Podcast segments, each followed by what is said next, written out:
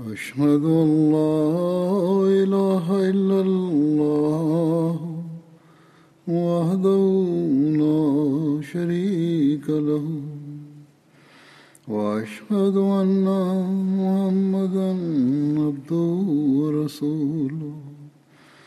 أما بعد فأعوذ بالله من الشيطان الرجيم. بسم الله الرحمن الرحيم. الحمد لله رب العالمين. الرحمن الرحيم. مالك يوم الدين. إياك نعبد وإياك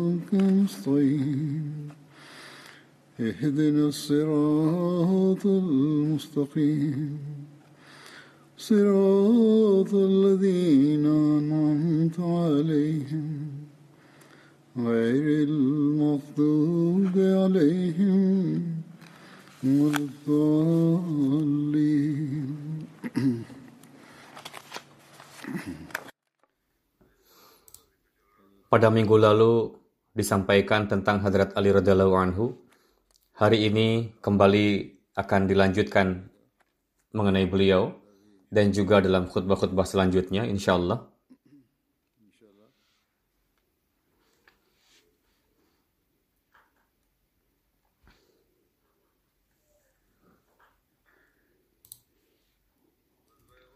Pada perang Uhud, ketika Ibnu Qamiyah mensyahidkan Hadrat Mus'ab bin Umair, ia beranggapan bahwa dia sudah mensyahidkan Rasulullah Sallallahu Alaihi Wasallam. Dengan demikian dia kembali kepada Quraisy dan berkata bahwa saya sudah membunuh Muhammad Sallallahu Alaihi Wasallam. Ketika Hadrat Musyab syahid dan Rasulullah memberikan bendera kepada Hadrat Ali, lalu Hadrat Ali dan Muslim yang lainnya berperang. Dalam riwayat lain diceritakan bahwa pada perang Uhud, pembawa bendera orang-orang musyrik Talha bin Abu Talha menantang Hadrat Ali. Beliau radhiyallahu anhu maju dan menebasnya hingga tumbang ke tanah. Hadrat Ali menebas satu persatu pembawa bendera Laskar Kufar. Melihat satu kelompok kufar, Rasulullah SAW memerintahkan Hadrat Ali untuk menyerangnya. Hadrat Ali membunuh Amru bin Abdullah Jam'i dan membuat mereka berpencar. Kemudian Rasulullah memerintahkan beliau untuk menyerang batalion Quraisy yang lain. Hadrat Ali membunuh Syaibah bin Malik sehingga Jibril berkata, Ya Rasulullah Sallallahu Alaihi Wasallam, orang-orang ini benar-benar pantas dikasihi, yakni Jibril berkata mengenai Hadrat Ali. Rasulullah SAW bersabda, Betul, Ali dariku dan aku dari Ali. Kemudian Jibril berkata, Aku berasal dari Anda berdua. Hazrat Ali meriwayatkan, pada perang Uhud, ketika orang-orang menyingkir dari Rasulullah, saya mulai memeriksa mayat para syuhada dan saya tidak menjumpai Rasulullah di antaranya. Saya berkata, sumpah demi Tuhan, Rasulullah SAW tidak kabur dan tidak pula saya mendapati beliau di antara syuhada. Namun Allah Ta'ala marah kepada kita semua sehingga dia mengangkat nabinya. Jadi sekarang sebaiknya saya berperang sehingga saya terbunuh. Kemudian saya menghancurkan sarung pedang saya dan menyerang kufar.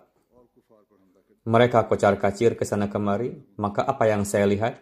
Ternyata Rasulullah SAW ada di tengah-tengah mereka. Ini kisah cinta dan kecintaan dan kesetiaan yang sudah dimulai sejak kecil dan menampakkan wujudnya dalam setiap kesempatan.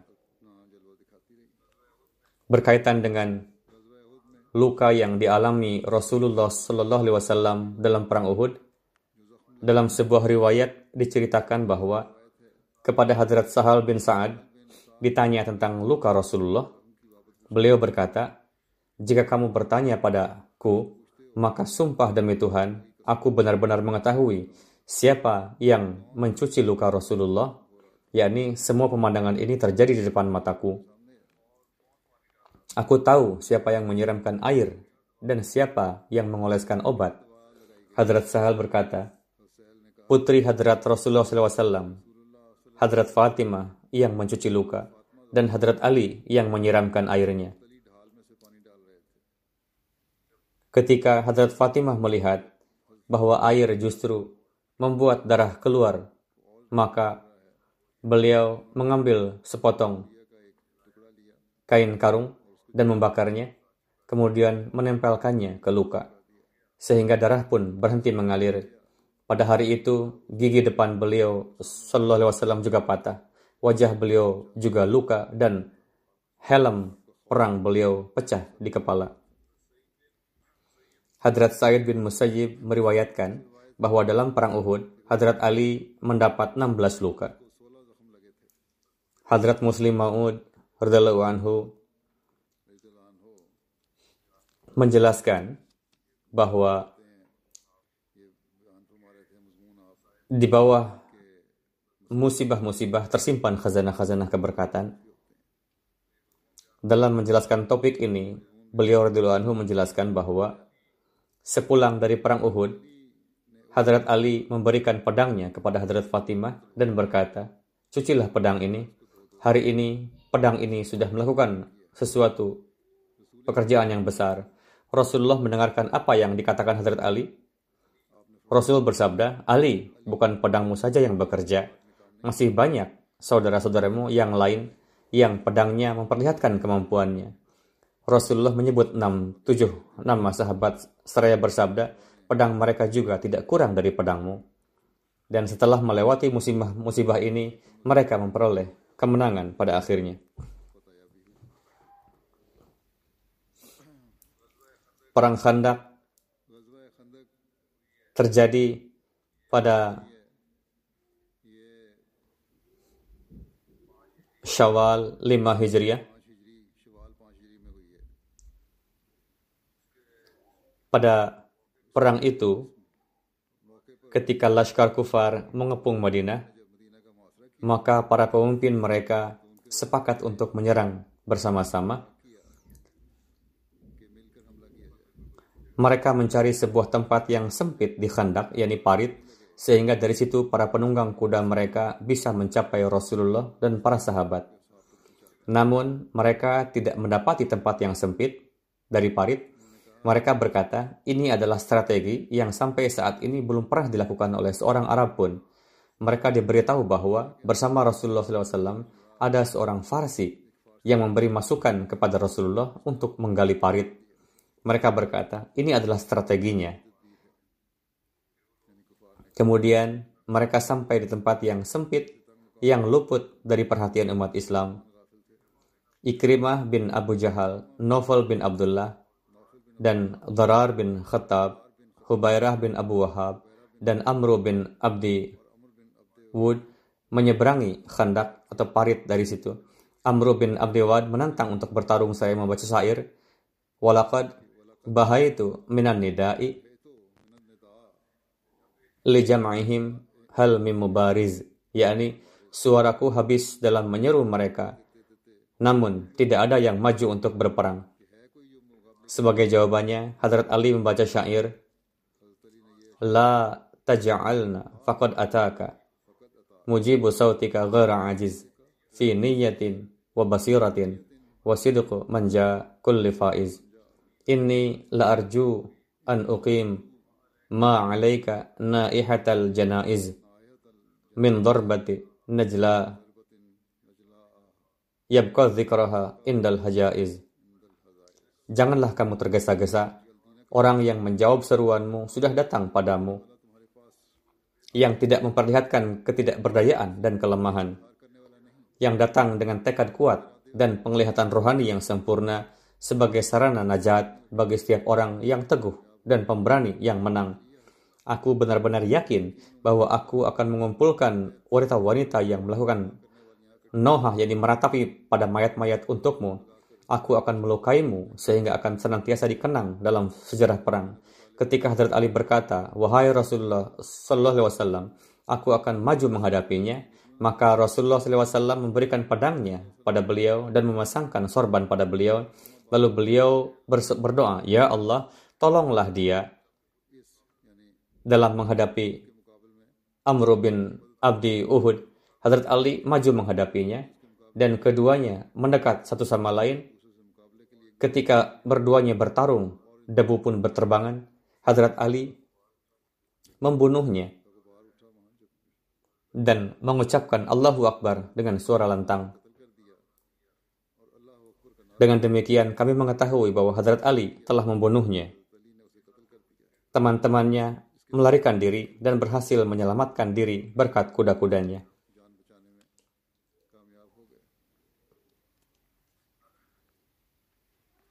Berkaitan dengan ini, Hadrat Mirza Bashir Ahmad anhu juga menulisnya bahwa Amru adalah orang yang terkenal mahir menggunakan pedang. Karena keberaniannya, dia dianggap setara dengan seribu pasukan disebabkan oleh kekalahan yang dialami pada perang Badar, sehingga dadanya dipenuhi dengan korban, dengki, dan dendam terhadap umat Islam. Begitu sampai di medan perang, dengan pembawaan yang penuh keangkuhan, dia menantang untuk bertarung satu sama satu. Dia berkata, adakah yang akan maju bertarung denganku? Sebagian sahabat menghindari bertarung dengannya, namun dengan izin Rasulullah, Hadrat Ali maju untuk menghadapinya. Rasulullah SAW memberikan pedangnya pada beliau dan mendoakan beliau. Hadrat Ali maju dan berkata pada Amru, saya dengar kamu berjanji Pak bahwa jika ada di antara Quraisy yang meminta dua hal padamu, maka kamu pasti akan mengabulkan salah satunya. Amru berkata, ya benar. Hadrat Ali berkata, maka dari itu hal pertama adalah jadilah muslim dan jadilah pewaris nikmat-nikmat Allah Ta'ala dengan menerima Rasulullah Sallallahu Alaihi Wasallam. Amru berkata, ini tidak mungkin terjadi. Hadrat Ali berkata, jika kamu tidak setuju, maka majulah, bersiaplah bertarung denganku. Atas itu dia tertawa dan berkata, aku tidak pernah berpikir bahwa akan ada orang yang sanggup mengatakan ini padaku. Kemudian dia menanya nama Hadrat Ali. Hadrat Ali memberitahunya dan dia berkata, keponakan, kamu masih anak-anak. Aku tidak mau menumpahkan darahmu. Kirimlah salah seorang dari antara orang-orang dewasamu. Hadrat Ali menjawab, kamu tidak mau menumpahkan darahku, tapi aku tidak keberatan menumpahkan darahmu. Dengan demikian, Amru begitu bersemangat turun dari kudanya, membabi buta dan memotong kaki kudanya supaya tidak bisa kabur dengan kuda. Kemudian dia menyerang Hazrat Ali dengan menggila bagaikan kobaran api dan dia menerjang Hazrat Ali dengan pedangnya begitu kerasnya sehingga pedangnya membelah perisai dan mengenai kening Hazrat Ali, yakni dia melukai kening Hazrat Ali. Namun bersamaan dengan itu, Hazrat Ali mengucapkan takbir dan menebasnya dengan pedang sedemikian rupa sehingga dia tidak bisa menyelamatkan diri dan pedang Hazrat Ali memotong bahunya sehingga terlepas dan dia jatuh bergelimpangan lalu mati. Setelah kematian Amr bin Abdi Wad, Kufar mengirim pesan kepada Rasulullah bahwa mereka akan membeli mayatnya seharga 10.000 dirham. Rasulullah bersabda, bawalah mayatnya. Kami tidak bisa maka hasil penjualan. Kami tidak bisa makan hasil penjualan mayat Hadrat Bara bin Azib meriwayatkan ketika Rasulullah SAW mengadakan perjanjian Hudaybiyah, Hadrat Ali menulis perjanjian di antara mereka dan di dalamnya beliau menulis nama Rasulullah Muhammad Rasulullah Sallallahu Alaihi Wasallam. Musyrikin berkata, jangan tulis Muhammad Rasulullah. Kalau memang ia Rasul, maka tentu kami tidak akan memeranginya. Rasulullah menjawab, menjawab kepada Hadrat Ali, hapuslah. Hadrat Ali berkata, aku bukanlah orang yang sanggup menghapusnya. Kemudian Rasulullah menghapusnya dengan tangan beliau sendiri dan mengadakan perjanjian dengan mereka dengan syarat beliau Shallallahu Alaihi Wasallam dan para sahabat akan tinggal selama tiga hari di Mekah dan masuk Mekah dengan menaruh pedang mereka dalam jaloban. Orang-orang bertanya, apa itu jaloban? Beliau menjawab, jaloban adalah wadah yang di dalamnya diletakkan pedang dan sarungnya. Kejadian tersebut dijelaskan oleh Hadrat Maud anhu, Hadrat Muslim anhu dengan sedikit rinci Beliau bersabda, ketika Rasulullah SAW hadir dalam majelis perjanjian Hudaybiyah dan pihak kufar mengajukan beberapa persyaratan dan para sahabat memendam api amarah di dalam hati. Dada mereka tengah terbakar api kemarahan atas kezaliman yang dilakukan oleh kaum kufar sejak 20 tahun lalu. Pedang para sahabat sudah keluar dari sarungnya mereka ingin mendapatkan kesempatan untuk membalas kezaliman yang telah dilakukan oleh kaum kufar atas mereka, yakni atas Islam. Namun, Rasulullah menyetujui persyaratan yang diajukan oleh pihak kufar. Pihak kufar mengajak untuk berdamai dan Rasul bersabda, "Baik sekali, mari kita berdamai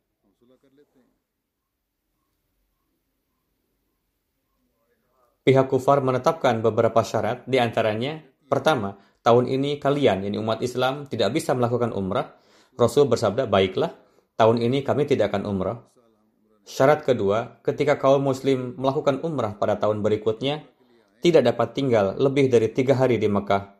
Rasul bersabda, baiklah. Saya setuju dengan persyaratan tersebut. Syarat ketiga, umat muslim tidak diizinkan untuk memasuki Mekah dengan membawa senjata. Rasul bersabda, baiklah, kami tidak akan masuk ke Mekah dengan membawa senjata. Saat itu tengah menempuh perjanjian, saat itu hati para sahabat tengah diliputi api kemarahan, namun mereka tidak dapat berbuat apa-apa. Hadrat Ali ditetapkan untuk menulis surat perjanjian. Hadrat Ali menulis, Pihak pertama yang mengisi perjanjian adalah Muhammad Rasulullah Sallallahu Alaihi Wasallam dan para sahabatnya. Sedangkan pihak kedua adalah tokoh Anu dan Anu dari Mekah. Mendengar sebutan Rasulullah, pihak kufar emosi dan berkata, kami tidak dapat mentolerir hal ini karena kami tidak meyakini Muhammad sebagai Rasulullah jika seandainya kami meyakini hal ini, buat apa juga kami bertempur dengannya? Adapun kami tengah membuat perjanjian dengan beliau sebagai Muhammad bin Abdullah, bukan sebagai Muhammad Rasulullah. Untuk itu, sebutan Rasulullah tidak bisa dituliskan dalam surat perjanjian ini. Saat itu emosi para sahabat sudah mencapai puncaknya dan amarah mereka membuat mereka bergetar. Para sahabat beranggapan, sekarang Allah Ta'ala memberikan satu kesempatan lagi dan Rasulullah tidak akan menyetujuinya sehingga kita akan mendapatkan kesempatan untuk bertempur dan melampiaskan kesalahan kekesalan hati pada mereka. Namun ternyata Rasulullah bersabda, benar apa yang mereka katakan. Coret saja, kata Rasulullah dari surat tersebut. Rasul bersabda kepada Hadrat Ali, Ali, coret saja, kata Rasulullah. Namun Hadrat Ali merupakan teladan yang sangat luhur dalam memperlihatkan kesetiaan dan ketaatan. Hatinya bergetar air mata mengalir dan berkata, "Saya tidak akan sanggup untuk mencoret kata tersebut." Rasul Shallallahu Alaihi Wasallam bersabda, "Berikan saja kertas itu kepadaku." Lalu Rasulullah mengambil kertasnya dan mencoret kata Rasulullah dengan tangan beliau sendiri. Berkenaan dengan perang Khaybar yang terjadi pada bulan Muharram dan Safar 7 Hijri, terdapat riwayat panjang dalam Sahih Muslim. Hadrat Salman bin Aqwa meriwayatkan, ketika kami tiba di Khaybar, pimpinan pihak musuh yang bernama Marhab maju sambil mengibas-ngibaskan pedangnya. Ia berkata, Khaybar tahu bahwa aku adalah Marhab, pemberani dan berpengalaman. Perawi berkata,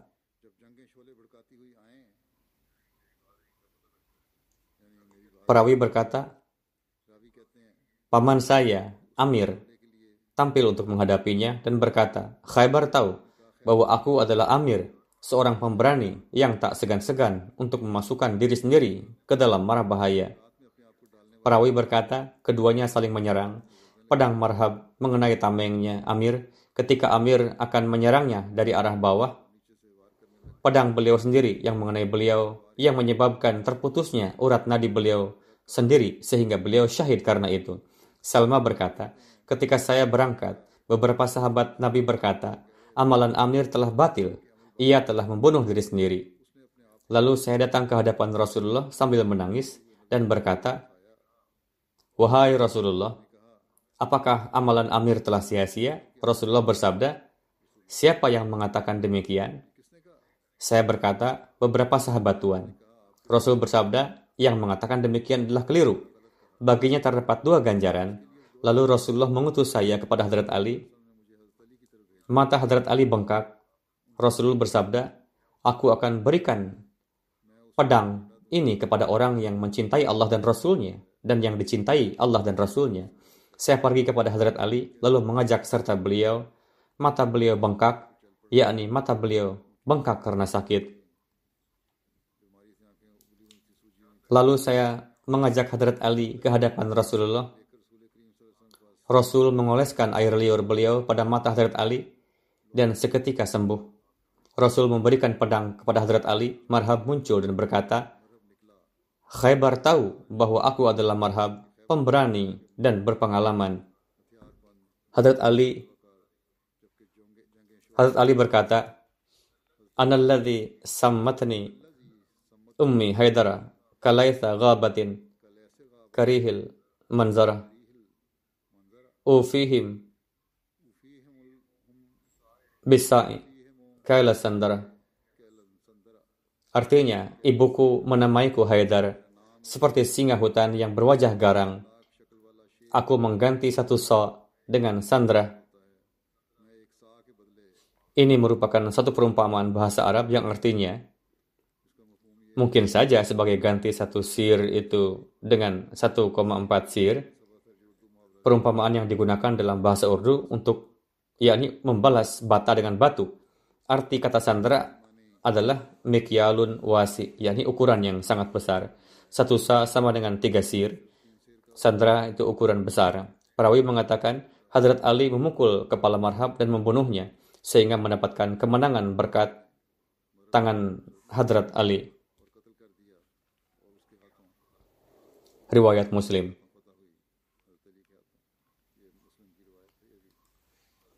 Dalam menjelaskan kisah ini, Hadrat Muslim Ma'ud radhiyallahu bersabda, pada perang Khaybar, Hadrat Ali mendapatkan kesempatan. Rasulullah Sallallahu Alaihi Wasallam bersabda, pada hari ini saya akan memberikan kesempatan kepada orang yang mencintai Allah, Allah Ta'ala dan yang dicintai Tuhan. Aku akan serahkan pedang pada orang yang Allah berkati. Hadrat Umar berkata, saat itu aku ada dalam majlis tersebut, lalu saya tinggikan leher saya. Mungkin dengan begitu Rasulullah akan melihat saya dan memberikan pedang tersebut kepada saya. Namun meskipun beliau melihat saya, tapi tetap terdiam. Lalu saya tinggikan lagi kepala saya dan Rasul mengarahkan pandangan kepada saya dan terdiam. Hingga datang Ali, mata beliau sedang kesakitan. Rasulullah bersabda, Ali, maju kemari. Hadrat Ali menghadap Rasulullah, lalu Rasulullah mengusapkan air liur beliau pada mata Hadrat Ali dan bersabda, Semoga Allah Ta'ala menyembuhkan matamu, ambillah pedang yang Allah Ta'ala serahkan padamu ini. Pada tempat lain, Hadrat Muslim Ma'ud menjelaskan riwayat tersebut bahwa sekitar lima bulan setelah kembali dari peristiwa Hudaybiyah, Rasulullah memutuskan supaya Yahudi dikeluarkan dari Khaybar yang berjarak cukup jauh dari Madinah. Dari tempat tersebut juga dapat merencanakan konspirasi dengan mudah untuk menentang Madinah. Lalu beliau Shallallahu Alaihi Wasallam berangkat ke Khaybar bersama dengan 1.600 sahabat pada bulan Agustus 628. Khaybar merupakan kota yang tertutup dengan benteng. Pada keempat penjurunya terdapat tembok benteng. Tidaklah mudah untuk menaklukkan kota yang kokoh seperti itu dengan jumlah pasukan yang sedikit. Jika area yang kecil saja dapat dilakukan, ditaklukkan setelah pertempuran kecil saja, namun ketika Yahudi bersatu lalu berada di balik benteng pusat kota, maka segala upaya untuk menaklukkannya bisa sia-sia. Suatu hari Rasulullah dikabarkan oleh Allah Ta'ala bahwa penaklukan kota tersebut telah ditakdirkan dengan perantaraan Hazrat Ali. Rasul mengumumkan pada pagi hari, saya akan berikan bendera hitam ini kepada orang yang dicintai oleh Tuhan, Rasulnya, dan umat Islam. Allah Ta'ala telah menakdirkan penaklukan kota ini melalui perantaraan orang tersebut. Pada pagi berikutnya, Rasulullah memanggil Hadrat Ali dan menyerahkan bendera tersebut kepada Hadrat Ali, lalu menyerang benteng dengan membawa laskar sahabat. Meskipun, meskipun Yahudi berada di balik benteng yang tertutup, namun pada saat itu Allah Ta'ala menganugerahkan kekuatan sedemikian rupa kepada Hadrat Ali dan para sahabat sehingga benteng dapat ditaklukkan sebelum tiba waktu sore. Dalam menjelaskan perihal Hadrat Ali dan kaitannya dengan peristiwa tadi, pada kesempatan lain Hadrat Muslim Ma'un bersabda, ketika ada masalah dalam penaklukan Khaybar, Rasulullah Shallallahu Alaihi Wasallam memanggil Hadrat Ali dan ingin menyerahkan kepemimpinan Laskar Islam kepada beliau. Namun saat itu mata Hadrat Ali tengah sakit di sini disinggung juga mengenai sakitnya mata beliau dan disebabkan oleh sakit parah sehingga mata beliau bengkak. Ketika Rasulullah SAW melihat Hadrat Ali dalam kondisi demikian, lalu bersabda, kemarilah. Lalu Hadrat Ali menghadap, kemudian Hadrat Rasulullah mengoleskan air liur beliau ke mata Hadrat Ali, dan saat itu juga mata beliau sembuh. Berkenaan dengan tangan beberkat Rasulullah untuk menyembuhkan terdapat kisah lainnya. Hadrat Muslim Maud bersabda, sebagaimana kita saksikan terdapat pemandangan di dunia yang dengan karunia Allah Ta'ala, sebagian orang yang sakit mendapatkan kesembuhan secara luar biasa, tanpa menggunakan sarana biasa, atau mereka mendapatkan kesembuhan pada kesempatan tersebut, yakni ketika sarana-sarana biasa tidak memberikan manfaat. Sebagaimana dalam peristiwa yang kita dapati dalam kehidupan Rasulullah, Salah satu contoh kisah penyembuhan seperti terdapat dalam peristiwa Perang Khaybar. Ketika Perang Khaybar, suatu saat Rasulullah SAW bersabda kepada para sahabat, penaklukan Khaybar telah ditakdirkan bagi seseorang yang di tangannya akan aku berikan bendera. Hadrat Umar bersabda, ketika itu saya mulai melihat dengan meninggikan kepala, barangkali Rasulullah akan memberikan bendera itu kepada saya. Namun Rasul tidak menyerahkan tugas tersebut kepada Hadrat Umar. Tidak lama kemudian Hadrat Ali datang dengan mata yang sakit sakit parah. Rasulullah mengoleskan air liur beliau di mata Hadrat Ali, lalu mata beliau langsung sembuh. Kemudian Rasulullah menyerahkan bendera di tangan Hadrat Ali dan menyerahkan tugas untuk menaklukkan Khaybar. Hadrat Muslim Ma'ud anhu bersabda, satu contoh kisah Hadrat Ali sangat menambah keimanan. Hadrat Ali maju untuk menghadapi seorang komandan besar Yahudi dan terus bertarung cukup lama. Karena Yahudi itu pun sangat mahir dalam bertarung. Untuk itu pertarungan cukup sengit. Pada akhirnya Hadrat Ali dapat menumbangkannya. Lalu beliau menduduki dadanya dan beriradah untuk memenggal leher Yahudi itu dengan pedang. Tidak lama kemudian Yahudi itu meludahi wajah Hadrat Ali, lalu Hadrat Ali meninggalkannya. Yahudi tersebut sangat keheranan, berpikir bahwa ketika sudah dapat menguasaiku, namun akhirnya dilepaskan lagi. Padahal sudah ada kesempatan untuk membunuhku. Yahudi itu bertanya kepada Hadrat Ali, Kenapa Anda melepaskan saya? Hadrat Ali bersabda, Tadi aku bertarung denganmu demi Allah Ta'ala, namun ketika kamu meludahi wajahku, saya emosi dan beranggapan jika saat itu aku membunuhmu, maka itu dilakukan demi hawa nafsuku, bukan demi Allah Ta'ala. Untuk itu, aku meninggalkanmu untuk meredakan emosiku. Sehingga pembunuhmu jangan sampai sehingga pembunuhanmu jangan sampai karena hawa nafsuku.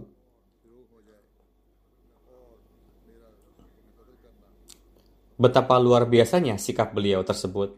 Ketika di medan perang, beliau meninggalkan musuh yang ganas semata-mata karena jangan sampai pembunuhannya dilakukan karena hawa nafsunya, padahal seharusnya dilandasi demi untuk meraih keridaan Allah Ta'ala.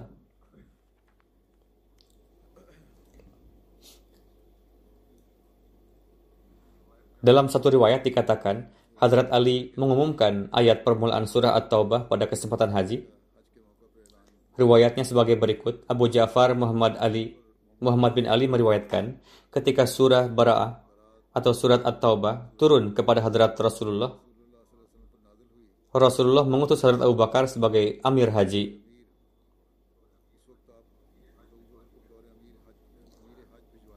Disampaikan kepada Rasulullah, Wahai Rasulullah, jika Tuhan mengirimkan surat At-Taubah ini kepada Hadrat Abu Bakar, supaya beliau membacakannya di sana. Rasul bersabda, tidak ada yang dapat melakukan tugas ini dari pihakku selain dari salah seorang dari antara ahli baitku. Lalu Hadrat Rasulullah memanggil Hadrat Ali dan bersabda, Bawalah apa yang dijelaskan pada permulaan surah At-Taubah, lalu umumkanlah ketika orang-orang berkumpul pada saat kurban di Mina bahwa tidak ada seorang kafir yang masuk ke surga. Dan setelah tahun itu, seorang musyrik pun tidak diizinkan untuk berhaji. Tidak juga diizinkan untuk bertawaf di Baitullah dengan tubuh telanjang. Dan siapa pun yang telah mengadakan perjanjian dengan Rasulullah, periode itu akan dipenuhi. Lalu Hadrat Ali menaiki unta Rasulullah yang bernama Azba dan berangkat. Di jalan beliau menjumpai Hadrat Abu Bakar.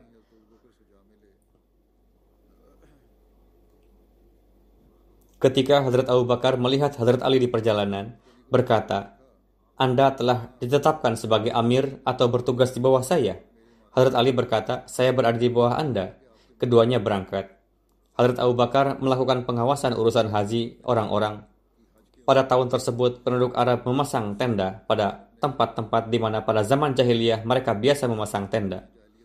Ketika tiba hari kurban, Hadrat Ali berdiri lalu mengumumkan kepada orang-orang apa yang telah disabdakan oleh Rasulullah Shallallahu Alaihi Wasallam.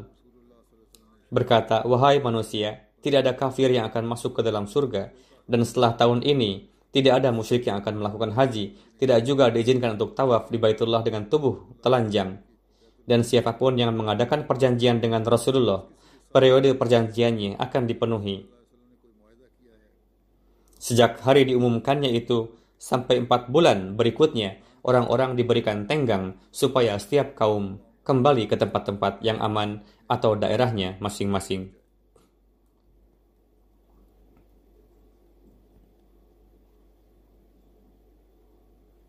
Selanjutnya, tidak akan ada lagi perjanjian untuk orang musyrik mana pun dan tidak juga tanggung jawab terkecuali perjanjian yang ada pada Rasulullah untuk suatu masa tertentu, yakni periode perjanjian yang masih ada. Selain perjanjian tersebut, tidak akan ada lagi perjanjian baru, akan dipenuhi sampai batas waktunya. Waktunya. Setelah tahun itu, tidak ada seorang musyrik pun yang beribadah haji, tidak juga ada yang bertawaf dengan telanjang, Lalu Hadrat Abu Bakar dan Hadrat Ali keduanya menghadap Rasulullah Sallallahu Alaihi Wasallam.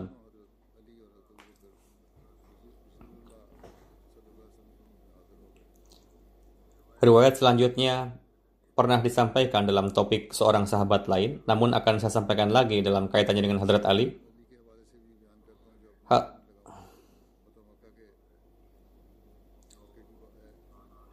pada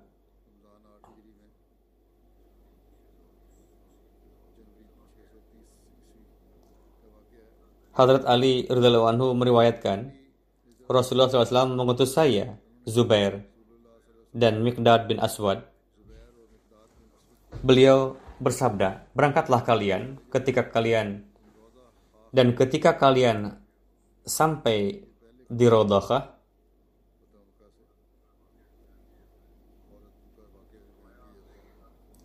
berangkatlah kalian dan ketika kalian sampai di Rodokah, di sana ada seorang wanita yang tengah mengendarai unta. Dia membawa sepucuk surat. Ambillah surat itu darinya.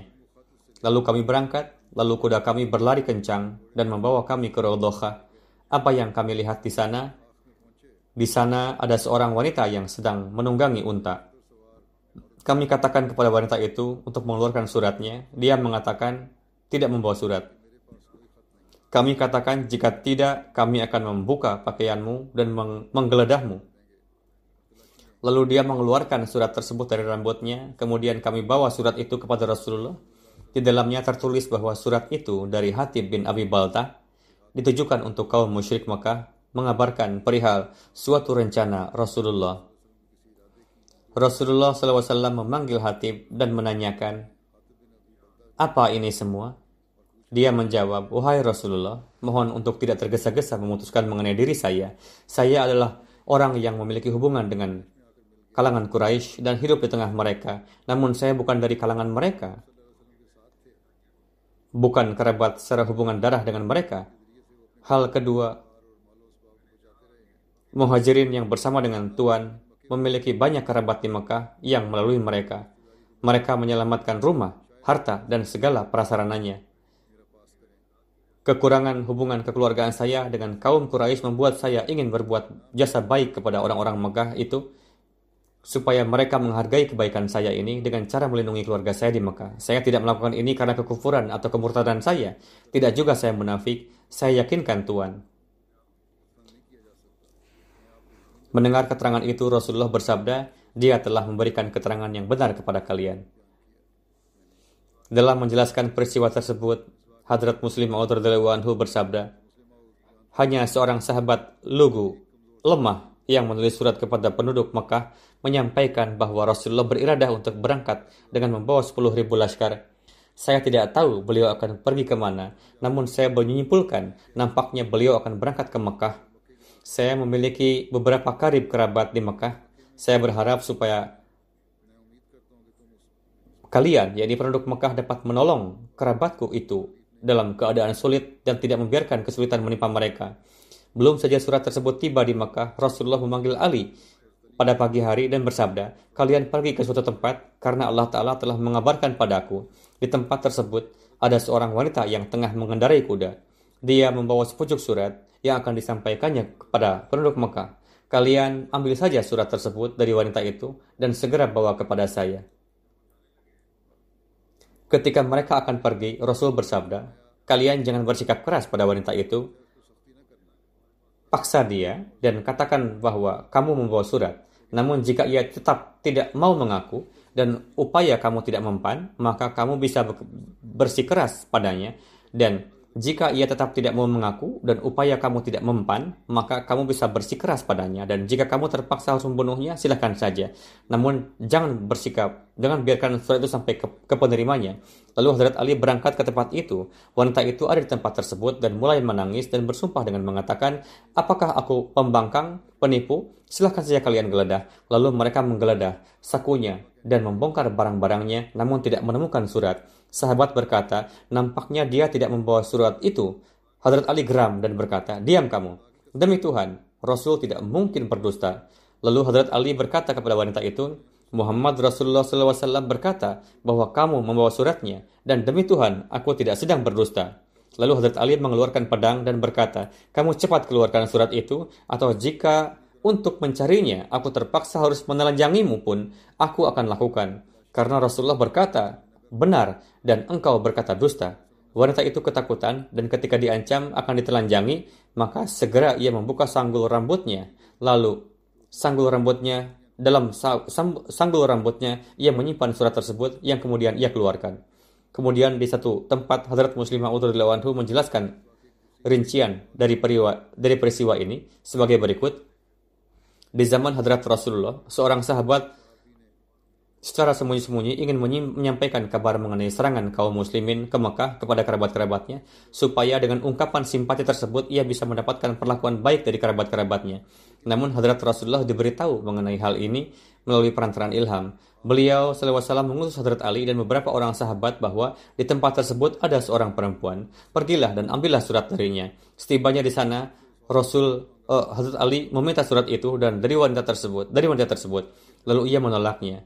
Beberapa sahabat mengatakan bahwa mungkin Rasulullah telah keliru, namun Hazrat Ali mengatakan tidak. Perkataan beliau tidak pernah keliru. Selama belum mendapatkan surat darinya, saya tidak akan beranjak dari sini. Hazrat Ali membentak wanita tersebut, maka ia mengeluarkan surat tersebut dan memberikannya. Pada kesempatan Fatah Mekah, ketika Rasulullah tiba di Masjidil Haram, Hadrat Ali datang ke hadapan Rasulullah dan di tangannya ada kunci Ka'bah. Beliau radhiyallahu anhu berkata, "Wahai Rasulullah, berikanlah kepada kami tugas siqayah, yakni menyediakan air minum pada kesempatan haji dan tanggung jawab untuk membuka dan menutup kain penutup Ka'bah." Beliau sallallahu alaihi wasallam bersabda, "Di manakah Utsman bin Talha?" Ia lalu dipanggil maka beliau Sallallahu Alaihi Wasallam bersabda, Wahai Utsman, ini kunci engkau. Hari ini adalah hari kebaikan dan kesetiaan. Dan Rasulullah bersabda kepada Hadrat Ali bahwa aku tidak akan memberikan kepada kalian sesuatu yang dengannya kalian terjerumus dalam kesusah payahan dan penderitaan. Bahkan aku akan memberikan kepada kalian sesuatu yang di dalamnya terdapat kebaikan dan keberkatan bagi kalian, dan aku tidak akan memberikan kepada kalian sesuatu jabatan yang kalian sendiri ingin mendapatkannya. Jika kalian mendapatkannya dengan memintanya, maka tidak diperbolehkan. Hadrat Ummi Hani binti Abi Talib meriwayatkan, ketika Rasulullah berkemah di dataran tinggi Makkah, dari antara Bani Makhzum ada dua orang kerabat dari pihak mertua saya yang berlari datang kepada saya. Hadrat Ummi Hani mengatakan, saudara saya Ali datang kepada saya dan mengatakan, demi Allah, aku akan membunuh keduanya. Hadrat Ummi Hani mengatakan, saya mengunci pintu rumah saya untuk mereka berdua. Kemudian saya sendiri pergi kepada Rasulullah di dataran tinggi Mekah. Saya mendapati beliau tengah mandi dari satu baskom air yang di dalamnya terdapat bekas adonan gandum dan putri beliau Hadrat Fatimah menutupi beliau dengan sebuah kain setelah mandi, Rasulullah mengganti bajunya, kemudian melaksanakan salat delapan rakaat di waktu duha. Lalu beliau menghadap ke arah saya dan bersabda, Wahai Ummi Hani, selamat datang. Untuk apa Anda datang? Hadrat Ummi Hani menceritakan semuanya mengenai kedua orang tersebut dan Hadrat Ali bahwa bagaimana Hadrat Ali ingin membunuh mereka dan beliau datang ke sana setelah membunyikan menyembunyikan mereka di rumahnya Rasul bersabda, mereka yang kamu berikan perlindungan, kami pun akan melindungi mereka. Dan mereka yang kamu beri keamanan, kami pun akan memberikan keamanan kepada mereka. Jadi ia tidak boleh membunuhnya. Yakni Rasulullah bersabda bahwa Hadrat Ali tidak akan membunuh mereka. Hadrat Rasulullah melanjutkan perintah hukuman mati terhadap Huwarith bin Nuqaid karena ia dulu menyakiti Rasulullah di Mekah dan ia biasa mengatakan hal-hal yang besar untuk menyakiti beliau dan melontarkan sindiran-sindiran. Ketika paman Rasulullah Hadrat Abbas mendudukan Hadrat Fatimah dan Hadrat Umi Maktum di unta untuk mengirimkan mereka ke, ke Madinah, Huwairis menjatuhkan unta tersebut. Hadrat Ali membunuh Huwairis bin Naqid pada bin Nuqaid pada kesempatan Fatah Makkah ketika ia keluar untuk melarikan diri. Perang Hunain terjadi pada bulan Syawal tahun ke-8 Hijriah. Terdapat dalam riwayat bahwa pada kesempatan perang Hunain, bendera Muhajirin dibawa oleh Hadrat Ali. Dalam perang Hunain, ketika perang tengah berkecamuk dan dikarenakan serangan gencar dari orang-orang kufar, di sekeliling Rasulullah hanya tersisa beberapa orang sahabat. Hadrat Ali termasuk di antara segelintir sahabat tersebut. Dalam perang Hunain, di depan barisan pasukan kaum musyrik ada seorang menunggang seseorang menunggang unta merah yang di tangannya ada bendera hitam. Bendera ini diikat pada sebuah tombak yang sangat panjang. Banu Khawajin berada di belakang orang tersebut. Ketika ada orang yang mendekatinya, ia segera menghujamkan tombak kepadanya. Dan jika ia selamat dari hujaman tombaknya, maka dengan mengangkat tombaknya, ia memberikan isyarat pada orang-orang di belakangnya. Lalu mereka mengeroyoknya dan tetap berada di belakang orang yang mengendari unta merah tersebut. Dengan cara seperti itulah orang ini terus melakukan serangannya hingga Hadrat Ali dan seorang dan seorang Ansari berhadapan dengannya dan mereka maju untuk membunuhnya. Hadrat Ali datang dari belakangnya dan menebas pangkal paha untanya yang akibatnya unta itu jatuh tersungkur. Pada kesempatan tersebut, Hazrat sahabat Ansari tadi melompat ke arahnya dan menebas dengan sedemikian rupa kerasnya sehingga kaki orang itu terputus setengah dari betisnya. Pada kesempatan tersebut, kaum muslimin melakukan satu serangan yang dahsyat kepada orang-orang musyrik. Berkenaan dengan syariah Hadrat Ali, jadi ekspedisi Hadrat Ali kepada Banu Thai, Banu Thai, terdapat riwayat bahwa Rasulullah mengirim Hadrat Ali bersama 150 orang untuk merobohkan patung berhala Banu Thai. Wilayah Banu Thai terletak di arah timur laut Madinah. Untuk ekspedisi ini, beliau memberikan sebuah bendera besar berwarna hitam dan sebuah bendera kecil berwarna putih kepada Hadrat Ali. Hadrat Ali pada pagi hari menyerang Ali Ali, Ali Hatim dan menghancurkan patung berhala mereka. Hadrat Ali kembali ke Madinah dengan membawa begitu banyak harta rampasan perang dan tawanan dari Banu Thai.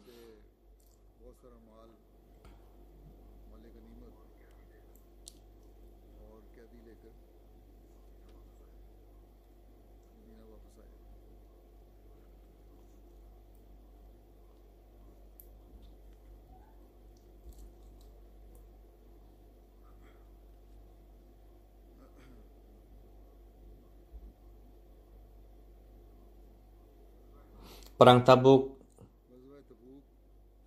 terjadi pada bulan Rajab 9 Hijriah. Mengenainya terdapat riwayat bahwa Musa bin Sa'ad meriwayatkan dari ayahnya bahwa Rasulullah SAW berangkat menuju Tabuk dan menetapkan Hadrat Ali sebagai wakil beliau di Madinah. Hadrat Ali berkata, apakah anda pergi meninggalkan saya bersama wanita dan anak-anak? Rasul bersabda, tidakkah engkau merasa senang kedudukanmu? Dariku adalah bagaikan Harun dari Musa hanya saja tidak ada nabi setelahku. Dalam menjelaskan peristiwa ini, Hadrat Muslim Maud bersabda, Suatu kali Hadrat Rasulullah SAW pergi berperang dan menjadikan Hadrat Ali sebagai wakil di belakang beliau SAW.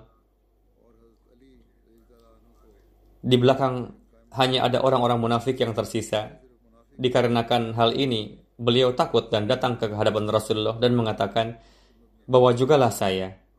Rasul menenangkan dan bersabda, Allah tardo antakuna minni bimanzilati Haruna mim Musa illa annahu laisa nabiyan ba'di. yakni dariku engkau dariku meraih kedudukan seperti halnya Harun dan Musa. Suatu hari engkau juga seperti halnya Harun akan menjadi khalifahku. Namun meskipun adanya persamaan ini engkau bukanlah nabi. Mengenai diutusnya Hadrat Ali ke Yaman oleh Hadrat Rasulullah terdapat riwayat sebagai berikut. Pada 10 Hijriah, Rasulullah SAW mengutus Hadrat Ali ke Yaman. Sebelumnya Rasulullah tengah telah mengirim Hadrat Khalid bin Walid kepada penduduk Yaman untuk menyeru mereka kepada Islam, namun mereka menolak. Kemudian atas hal itu, beliau mengirim Hadrat Ali. Hadrat Ali membacakan surat beliau kepada penduduk Yaman, kemudian hanya dalam satu hari seluruh Hamdan menerima Islam. Hadrat Ali menulis surat kepada Hadrat Rasulullah mengenai masuknya masuk Islamnya mereka. Maka beliau mengulangi kalimat ini hingga kali hingga tiga kali, yakni keselamatan atas Hamdan, keselamatan atas Hamdan.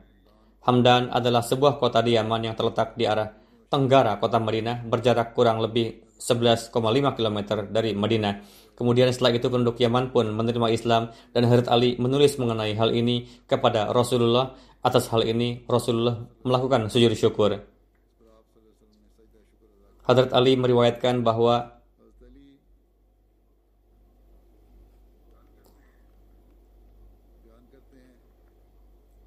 Hadrat Rasulullah mengutusku ke Yaman dan menjadikanku sebagai hakim. Maka aku bertanya, Wahai Rasulullah, Anda mengutus saya sedangkan saya masih muda dan tidak mempunyai pengetahuan mengenai peradilan. Rasulullah bersabda, Sesungguhnya Allah pasti akan memberikan petunjuk pada hati engkau dan akan menganugerahkan ketegasan pada lisan engkau. Ketika ada dua orang yang sedang bertengkar di depan di hadapan engkau, maka janganlah mengambil keputusan hingga engkau mendengarkan dari orang yang kedua sebagaimana engkau telah mendengar dari pihak yang pertama. Dengan melakukan hal ini, maka keputusan akan menjadi lebih jelas bagi engkau. Hadrat Ali mengatakan, setelah itu saya tidak pernah ragu dalam memberikan keputusan. Hadrat Amr bin Syaf Aslami yang termasuk di antara yang ikut serta dalam perjanjian Hudaybiyah meriwayatkan bahwa saya bersama Hadrat Ali berangkat menuju Yaman. Dalam perjalanan beliau bersikap keras kepada saya hingga saya merasakan sesuatu mengenai beliau di dalam hati saya. Ketika pulang dari Yaman, saya mengeluh mengenai beliau di masjid hingga hal ini sampai kepada Rasulullah. Suatu hari saya masuk ke masjid dan Rasulullah bersama beberapa orang sahabat datang. Ketika pandangan beliau tertuju kepada saya, beliau menuturkan, Rasulullah SAW melihat saya dengan pandangan tajam hingga ketika saya duduk, Rasul bersabda, Wahai Amru, demi Allah, engkau telah menyakitiku. Saya berkata, Ya Rasulullah, saya berlindung kepada Allah dari menyakiti Anda. Beliau Shallallahu Alaihi Wasallam bersabda, mengapa tidak? Siapa saja yang telah menyakiti Ali, maka ia telah menyakitiku. Ini adalah riwayat Musnad Ahmad bin Hambal. Riwayat yang selanjutnya, Hadrat Abu Sa'id Khudri meriwayatkan, pada satu kesempatan orang-orang mengeluhkan Hadrat Ali, maka Rasulullah SAW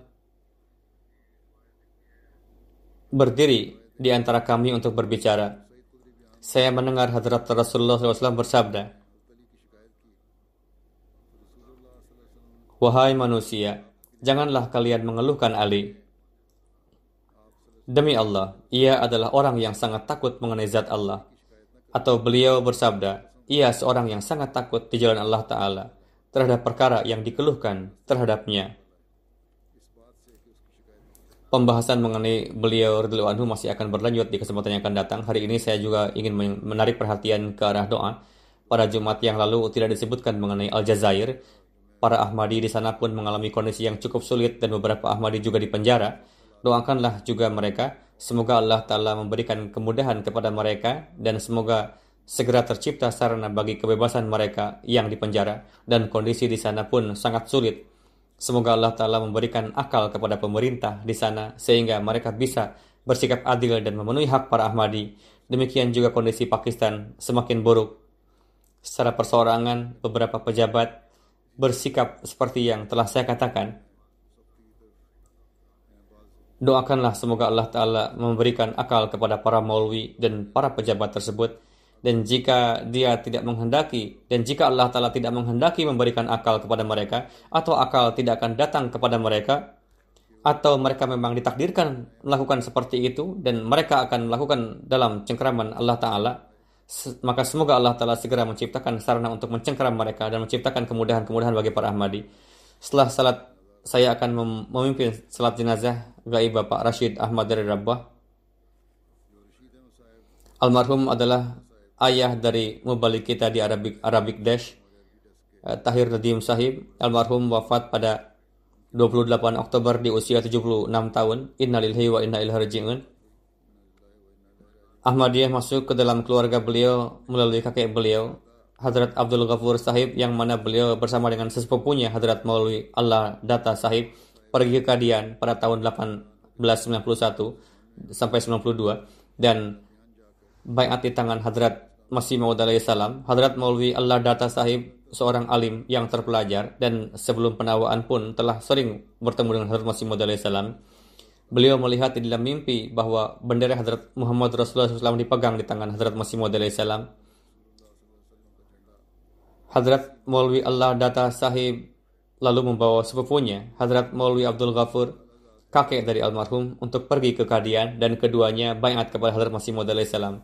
Setelahnya, melalui pertabligan yang dilakukan oleh Maulwi Allah Data Sahib, banyak orang yang masuk ke dalam Ahmadiyah di Alipur dan Muwadi, Hasanpur, Multan.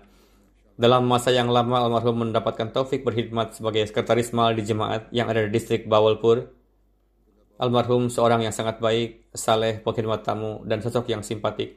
Almarhum seorang yang memiliki hubungan yang baik dengan keluarga dan orang-orang di lingkungan beliau. Almarhum memperhatikan orang-orang miskin secara diam-diam. Di antara yang ditinggalkan antara lain istri beliau, Siddiqah Begum Sahibah, cucu dari sahabat Hazrat Masih Maud salam, Kadir Baksh Sahib, dan dengan karya Allah Ta'ala, almarhum adalah seorang musi.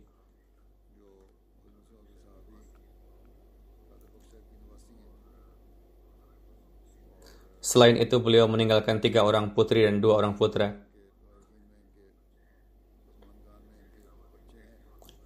Putra almarhum, sebagaimana yang telah saya sampaikan, seorang wakaf sindagi. Membalik kita yang berkhidmat di Arabic Desk di sini. Semoga Allah telah memberikan rahmat dan ampunannya kepada almarhum dan meninggikan derajat almarhum.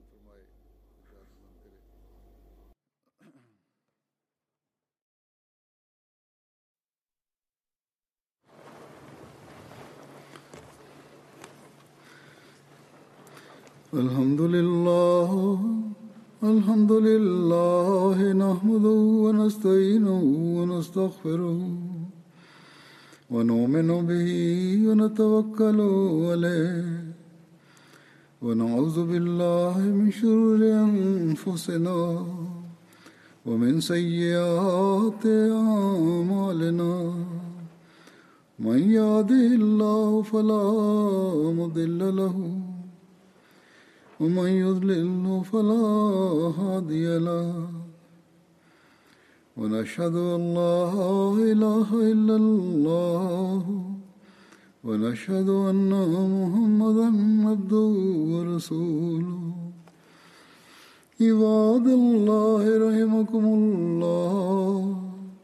إن الله يأمر بالعدل واللسان وإيتاء ذي القربى وينهى عن الفحشاء والمنكر والبغي يعظكم لعلكم تذكرون. اذكروا الله يذكركم وادعوه يستجب لكم ولذكر الله أكبر.